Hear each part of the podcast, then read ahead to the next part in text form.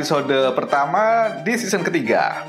Judulnya, Kenapa Investor Tidak Perlu Pegang Cash Yang Terlalu Banyak?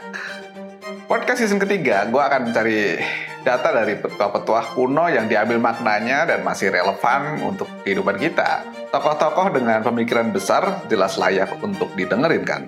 Ditambah dengan opini pribadi seperti yang udah gue sampaikan di trailer season ketiga.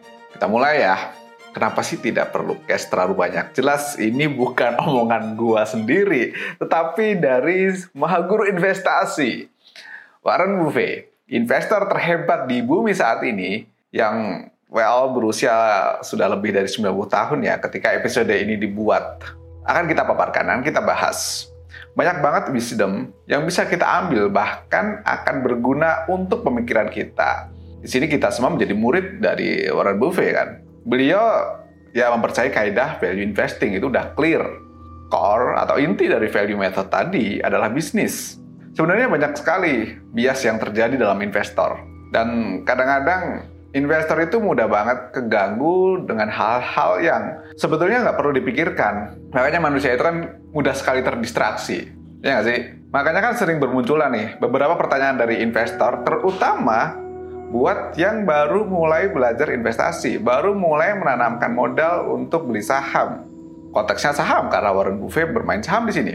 Jadi pertanyaan yang sering muncul dari investor pemula adalah, Kakanda, kalau harga saham turun, itu waktunya beli atau tidak? Itu contoh pertanyaan pertama. Pertanyaan kedua, harusnya tuh kita beli saham nunggu pas turun atau naik atau seperti apa? Wah, udah diborong nih pertanyaan. Kemudian pertanyaan ketiga, bagusnya saham apa? Sering kan? Ini kan pertanyaan yang banyak sekali. Menurut gue kena bias di harga sahamnya. Suatu saat di annual meeting, ada yang bertanya tentang kondisi market ke tokoh investasi tersebut ya. Warren Buffett bilang ini, Charlie dalam hal ini adalah Charlie Munger dan Warren itu tidak pernah memiliki pendapat tertentu atau khusus tentang market. Kenapa? Karena takut mengacaukan analisisnya. Mereka bilang seperti itu. Jadi ketakutan terganggu, terdistraksi, sehingga memilih untuk tidak terlalu memfokuskan pada market. Oke, kita masuk ke pembahasan ya, ke opininya juga. Apa pelajaran yang bisa diambil dari pernyataan-pernyataan Warren Buffett? Karena jelas kita tidak bisa mengambil mentah-mentah pernyataan beliau ya kan. Pertama, dari sisi ilmu kita juga masih harus belajar banyak. Yang kedua, dari sisi cash, ya jelas jauh beda bos. Gak bisa disamakan. Kalau orang lain mungkin saja kita bisa menelan mentah-mentah, tetapi ini kan Warren Buffett gitu loh, investor legend. Gak mungkin jelas dia tidak mengetahui market itu sangat sekali tidak masuk akal, gak mungkin. Tetapi apa sih makna di dalamnya? Sebelum lebih jauh, kita lihat poin pertama adalah beliau itu pernah mengatakan gini, investasi itu tidak perlu menunggu market crash. Warren tidak pernah menunggu untuk sebuah bisnis jatuh dengan sangat keterlaluan. Apa intinya? Jadi ketika dia bilang tidak perlu menunggu musibah terjadi untuk mendapatkan harga yang bagus, karena dia menyadari bahwa ya masa akan menunggu ada perang, menunggu ada epidemi, menunggu ekonomi sebuah negara berantakan. Itu kan hal-hal yang sangat jarang sekali terjadi. Meskipun sekarang di tahun 2020, 2021 sedang ada pandemi. Tetapi pernyataan tersebut diutarakan oleh Warren Buffett di tahun 996 eh, ya, pas ada annual meeting Berkshire Hathaway gitu. Yang menjadi fokus dia adalah bukan ketika market crash, bukan ketika market jatuh, tetapi apakah perusahaan itu memang memiliki bisnis yang benar-benar bagus dan kalau kebetulan lagi market jatuh dan harga perusahaannya itu jatuh, maka dia memiliki pilihan untuk membeli saham tersebut. Positioningnya adalah dia tidak mengharapkan hal-hal buruk terjadi, tetapi ketika hal buruk terjadi, dia bisa mengambil posisi. Itu yang gue tangkap dari pernyataan beliau tentang tidak menunggu market crash. Sama dengan kondisi sekarang, apakah kita ketika mau investasi harus menunggu IHSG turun ke 3000 lagi seperti tahun lalu? Gua nggak tahu kapan IHSG akan ke 3000 lagi. Dan gua rasa 99% manusia di Indonesia juga nggak tahu IHSG akan ke 3000 lagi itu kapan. We have no idea. Apakah setelah ada pandemi COVID-19 akan ada pandemi COVID 220? We have no idea at all. Gitu loh. Yang kedua adalah investor tidak perlu timing the market. Ini memiliki korelasi dengan pernyataan yang pertama tadi. Warren Buffett bukan seorang trader yang menghitung time frame. Ya buatnya menghitung waktu atau timing akan mendistraksi analisisnya atas perusahaan. Kata dia, dia tidak berusaha melakukannya karena hanya akan membuang waktunya. Ya karena beliau adalah investor gitu kan. Ya memiliki horizon yang sangat-sangat panjang. Ya memang kita yang usianya masih 20-30 tahun jelas belum memiliki saham yang selama itu. Kemudian apakah itu menyatakan bahwa seorang trader itu tidak diperbolehkan? Boleh saja, itu kan hanya masalah pilihan dan di episode kali ini kita membicarakan seorang investor dalam hal ini Mahaguru Warren Buffett gitu. Kalau teman-teman di sini ada yang menjadi trader atau scalper ya nggak apa-apa juga. Tetapi harus melihat market dan harus melakukan dengan time frame yang betul gitu kan.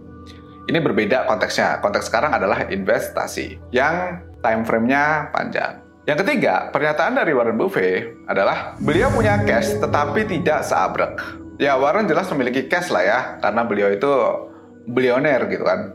Gak mungkin gak punya cash, gak mungkin. Tapi konteks dari pernyataan tersebut adalah tidak memiliki intens untuk menyimpan cash dalam jumlah yang berlebih. Dia sendiri berpikiran dan menyatakan ke publik bahwa lebih suka uangnya dalam bentuk saham perusahaan karena bisa menghasilkan cash flow lagi.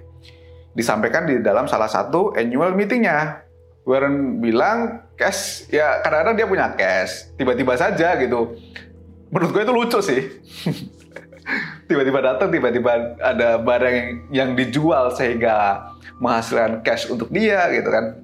Itu juga berlaku ketika dia tidak menemukan perusahaan yang menurut dia bagus. Kalau kondisinya seperti itu ya cash pasti akan menumpuk di tangan dia gitu kan.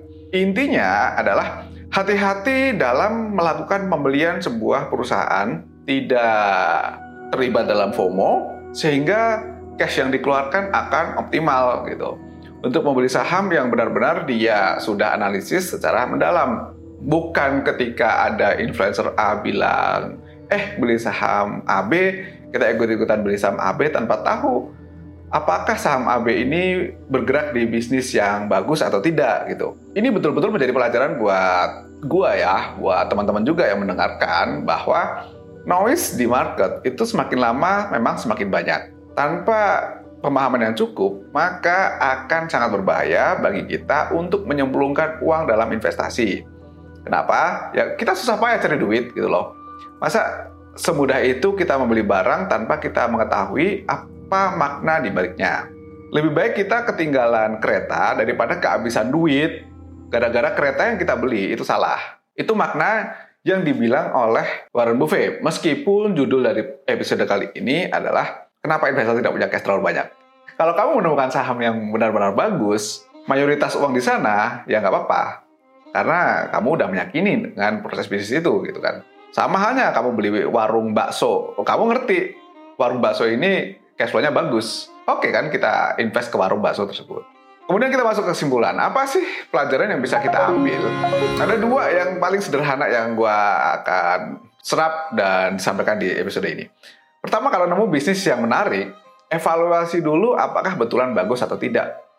Bukan tertutup oleh hal-hal yang sebenarnya tidak diperlukan. Misalnya, banyak sekali yang mempromosikan saham A, B, C. Nah, ini sebenarnya menurut gue harus hati-hati karena terlalu banyak memarketingkan sebuah saham, apakah produknya dan bisnisnya memang layak untuk kita beli gitu loh.